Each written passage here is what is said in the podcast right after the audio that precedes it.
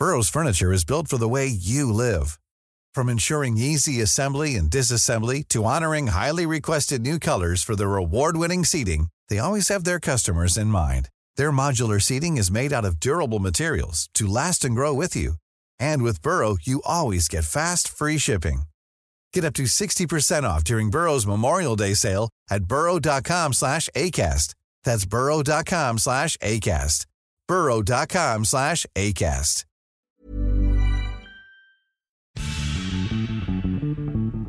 هلا بشتغل قاعد وحتى قدمت اليوم وقدمت لكل شيء ما طلع ليش ولا شيء لحد هلا. على إنه ما في ورانا أي شغل.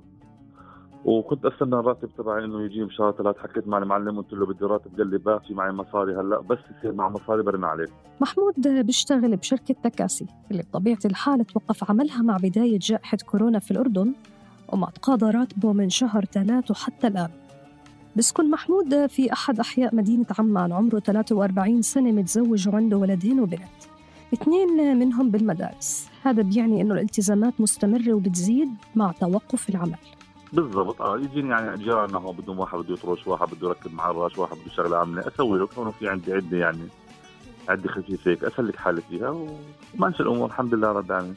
بس إنه يعني مستغرب يعني إيش يعني رواتب لحد هلأ يعني يعني بعرف أنا دائما العامل ابدا من صاحب الشركة بكثير يعني بحيث ياخذ كل حقوقه يعني فهل صار تأخير يعني رح نستعرض بهالحلقة التاسعة من الموسم الثالث من بودكاست البرلمان تداعيات جائحة كورونا على مستوى البطالة وإجراءات الحكومة للحد منها وتأثيرها على الاقتصاد في الأردن.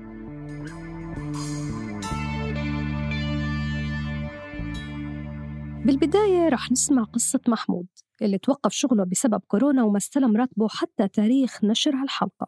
ولا أي شيء طلع من الضمان ولا أي شيء. ف زي ما تقول المساعدات كنا نقدم على منصات اللي بدهم يساعدوا شغلات زي هيك يعني يبعثوا لنا مونة يبعثوا لنا شغلات زي هيك. والحمد لله رب العالمين كنت أجيب طحين وأسوي خبز عندي في البيت يعني مستورة. محمود مش لحاله تأثر من الشركة اللي كان يشتغل فيها. بحكي لنا إنه راح هو و20 موظف يقدموا شكوى لوزارة العمل بعدم دفع مستحقاتهم من شهر ثلاث وزارة العمل بلغت صاحب العمل بضرورة دفع هالمستحقات بس حتى هاللحظة هم بانتظار صرف رواتبهم. سألنا محمود كيف بيشوف المستقبل بعد خسارة شغله وبوضع جائحة كورونا؟ فكان جوابه والله شوفي يعني أنا هلأ خلينا نقول يعني اشتغلت بالسياحة فترة كبيرة يعني فمش معتمد كثير على السياحة بس أنا كنت معتمد بحيث إنه أكمل الضمان الاجتماعي بحيث إنه واحد بس يخلص يعني يكون مخلص الضمان الاجتماعي وصح له أي شغلة عادية يقدر يشتغلها. وكوني أنا صناعي يعني بقدر أشتغل أي شغلة أي ورشة ثانية بتقول يعني بتحمل كل شيء يعني مو مشكلة يعني. بالنسبة للمستقبل يعني أنا زي المستأجر يعني وانولدت وأنا بشتغل لحد هلأ وأنا بشتغل وهو الحمد لله رب العالمين يعني مش من سهل إنه واحد يقدر يشتري قطعة أرض أو يشتري شقة ب 50 60 ألف دينار. فاحنا عايشين باجار تقريبا 20 سنة اللي متجوز في نهاية شهر خمسة كشفت دائرة الإحصاءات العامة عن ارتفاع معدل البطالة خلال الربع الأول من العام الحالي اللي وصل ل 19.3% مدير مركز بيت العمال حمد أبو نجمة بيوضح أنه تقرير دائرة الإحصاءات العامة حول البطالة ما بيشمل كافة مدة الحظر وتأثير كورونا لأنه بيتحدث فقط عن الربع الأول من السنة.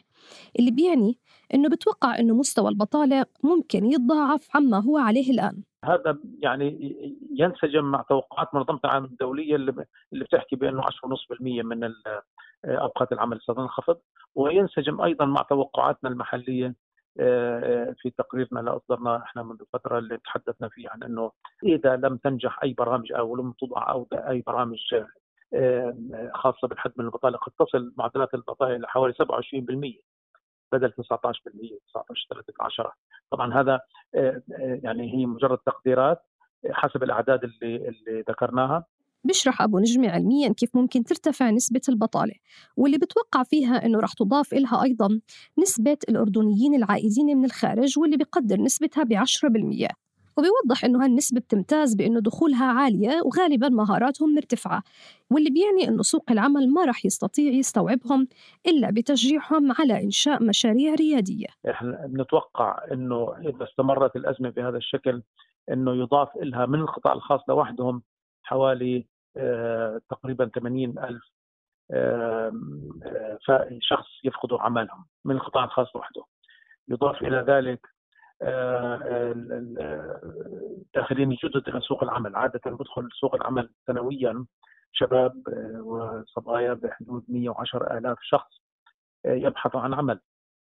من مخرجات التعليم الجامعي تعليم الثانوي وغيره تدريب مهني وغير ذلك 110 ألاف تقريبا في سنوات سابقة كان يشغل منهم حوالي 70 ألف في بعض الأحيان ولكن في السنوات الأخيرة انخفضت إلى حوالي 40 ألف تقريبا بيتم تشغيلهم. ولكن إحنا في الأزمة الحالية يعني ما في فرص عمل جديدة اللي بيفقد وظيفته صعب يحصل على وظيفة أخرى. فما بالك الداخلين الجدد الظروف الحالية راح تأثر بشكل كبير وتضعف من قدرة المؤسسات اللي ممكن تنهار واللي 90% منها مؤسسات صغيرة ومتوسطة وممكن تكون ضعيفة أمام مواجهة هالأزمة. بالتالي راح ترفع مستويات البطالة بحسب أبو نجمة. كل هاي تنذر بأنه القادم صعب راح يكون لأنه المؤسسات اللي خفضت الأجور على أمل أنه تنتعش العملية الاقتصادية. حتى الآن ما شفنا آثار إيجابية آه، على الاقتصاد آه، وما زالت قطاعات كثيرة متأثرة متضررة.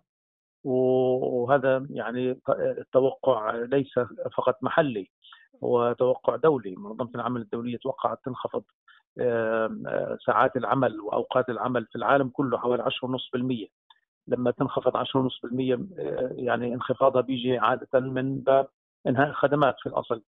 ف 10.5% معدل على مستوى عالمي. طبعا بالنسبة للأردن معدل يعني كبير. إحنا البطالة لما نحكي عن 19% كانت بحدود 350 ألف عامل متعطل عن العمل.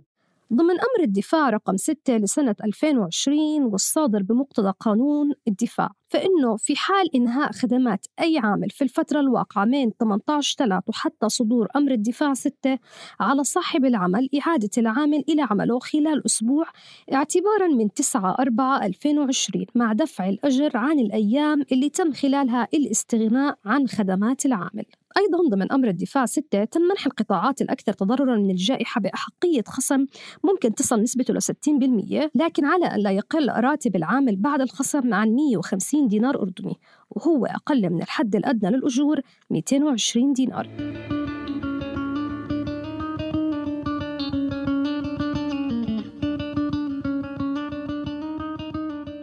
وزارة العمل أصدرت بيان بداية الأسبوع الحالي وضحت فيه أنها استقبلت مع بداية جائحة كورونا ولغاية الثاني والعشرين من الشهر الحالي 33147 شكوى عمالية بتتعلق بالأجور وإنهاء خدمات العمال. لكن عبر منصة حماية وغرفة المتابعة والسيطرة التابعة للوزارة وصفحتها على مواقع التواصل الاجتماعي اتمكنت الوزارة في ظل أوامر الدفاع من إعادة أكثر من 3000 عامل وعاملة إلى أعمالهم. شو الحلول اللي بتقدمها الحكومة في هيك وضع؟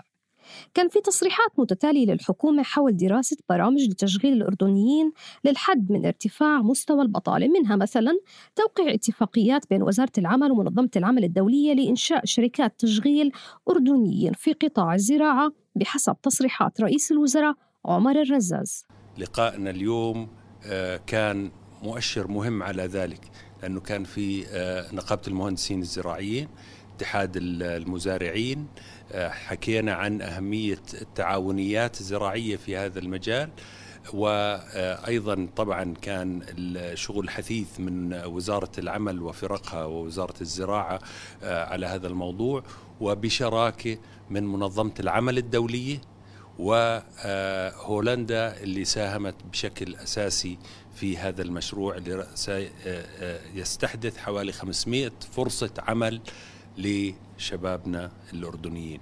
آخر شيء بحب أقوله أنه إحنا في عمل منظم حتى يكون هذا العمل أيضا عمل لائق لشبابنا وشاباتنا الأردنيين لأنه سيتضمن تغطية الضمان الاجتماعي والتأمين الصحي وكل الشروط اللازمة للسلامة آه، المهنية. لكن مدير مركز الفينيق للدراسات الاقتصادية أحمد عوض بيوضح أيضا أنه مشكلة السوق الأردني الآن أنه ما بيولد عدد من الوظائف وإنما هو بيخسر وظائف وهاي مشكلة جديدة عندنا في الأردن. بيشرح عوض أنه الإجراءات الحكومية في استجابتها لأزمة كورونا سهلت عملية إلغاء العديد من الوظائف وتركت لهم خيارات أمر الدفاع ستة. حقيقة آه، الإجراءات اللي عملتها الحكومة في استجابتها السريعة لما يحدث سهلت عمليات إلغاء العديد من الوظائف. يعني قالت للشركات أنت اللي بتواجه مشكلة إحدى الخيارات اللي تركت لهم إياها بأمر الدفاع ستة إنه هم يروحوا يحافظوا على صيغة تعاقدية ولكن بدون راتب. وهذول العلم عددهم كبير جدا. يعني عددهم آلاف راح يطلع. في كثير ناس ما زالوا مسجلين إنهم موظفين وعندهم عقود عمل ولكن هم ما بيستلموا رواتب. وهذا حقيقة يعني صيغة غير مفهومة وما بعرف الحكومة اللي ذهبت بهذا الاتجاه. أه وأنا تقديري إنه آه، استجابة الحكومة اللي كان فيها أو خيارات الحكومة في استجابتها في عدم تقديم دعم مباشر لمنشآت الأعمال للحفاظ على العاملين فيها من خلال المساهم في دفع رواتبهم هذا سيساهم في تعميق الانكماش الاقتصادي وإطالة أمده. وبالتالي المزيد من المتعطلين عن العمل والمزيد من الارتفاع في معدلات البطالة. كان في تقرير للبنك الدولي تم نشره في 18 من شهر 6 كشف عن تراجع النمو الاقتصادي السنوي بنسبة 1.6% في الأردن. بتوقع عوض ارتفاع الدين العام بأنه ما رح يكون مفاجئ نتيجة الظروف الحالية. الدين العام بصراحة ما, ما في أرقام يعني ما بس هو هو الآن يقارب ال 100% من الناتج المحلي الإجمالي وهذا راح يزيد في السنوات القادمة. ليش؟ لأنه الناتج المحلي الإجمالي أصلا تراجع وبالتالي هي معادلة بسط ومقام. يعني الناتج المحلي الإجمالي سيقل عما هو عليه والدين العام بيزيد سواء كان محلي أو خارجي. وبالتالي الرقم بجوز يوصل حتى 110 110% من الناتج المحلي الإجمالي يعني. تأثير هالأمر على الاقتصاد الأسري خاصة اللي مترتبة عليهم سداد قروض بيوضحوا عوض بأنه رح يزيد من توريط الناس في المزيد من القروض من خلال تأجيل الدفعات. يعني العاملين غير قادرين اللي نزل راتبه 30% غير قادر على سداد قروضه اللي اللي تم تخفيض راتبه غير قادر على العمل وتم تخفيض راتبه 50% أيضا هذا غير قادر واللي 60% أيضا غير قادر أنا تقديري الاقتصاد الأسري في الأردن آه، يعني دخل آه، في أزمة عميقة يمكن أن تكون أعمق من أزمة الحكومة في إدارة موازنتها. آه، ومن هنا إحنا بنتحدث إنه هذا حكي سيدفع باتجاه تقليل الطلب المحلي العام باللغة الاقتصادية اللي هو ال local gross demand وهذا الحكي للافراد وللمؤسسات. وهذا الحكي سيؤدي إلى تعميق واطاله أمد الانكماش والانكماش إذا استمر فترات طويلة حقيقة ممكن يكون يعني نتائجه كارثية على معدلات البطاله والفقر وهذا سيهدد أمن واستقرار البلد. القضية الأخطر إنه خيارات الحكومة آه، ذهبت باتجاه تقليل الإنفاق العام رئيس لجنة العمل النيابية خالد أبو حسان بيشرح تأثر القدرة الشرائية أيضا للمواطن واللي ممكن تأثر على كافة القطاعات الاقتصادية. إحنا يجب المحافظة اليوم على آه، القوة الشرائية للمواطن مشان نقدر نكون إحنا قادرين على الحفاظ للقطاع الخاص. أو بنيجي بنقدم حوافز للقطاع آه، الخاص وبنفس الوقت كمان إحنا بنحافظ على القطاع. إذا مش قادرين نقدم له آه للمواطن الدعم أو آه نحافظ عليه نخفض الضرائب الموجوده أنا بعرف إنه في عندنا اليوم آه مشكلة بالإيرادات الحكومية لكن لا سبيل لنا اليوم إلا إنه نخفض ضريبة المبيعات. وضريبه المبيعات يجب أن يعني مثل ما صار بالقطاع السياحي إن كان على الفنادق أو على المطاعم كمان ينعكس على جميع القطاعات الأخرى بتخفيض ضريبة المبيعات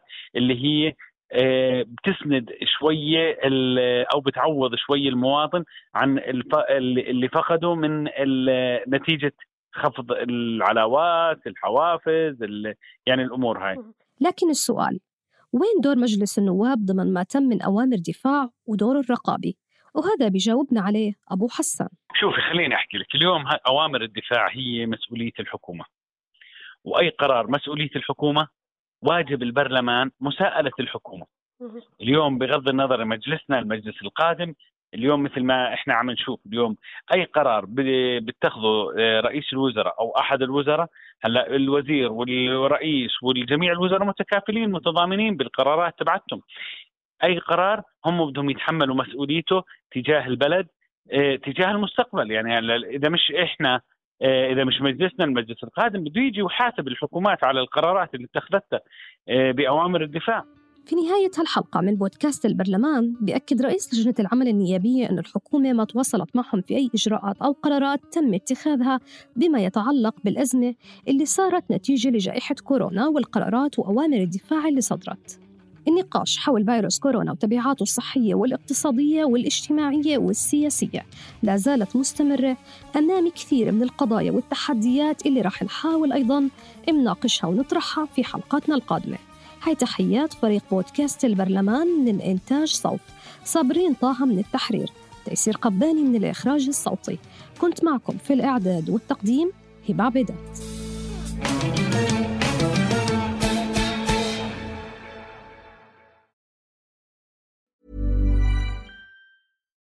Support comes from ServiceNow, the AI platform for business transformation. You've heard the hype around AI. The truth is, AI is only as powerful as the platform it's built into. ServiceNow is the platform that puts AI to work for people across your business, removing friction and frustration for your employees, supercharging productivity for your developers, providing intelligent tools for your service agents to make customers happier. All built into a single platform you can use right now. That's why the world works with ServiceNow. Visit servicenow.com slash AI for people to learn more.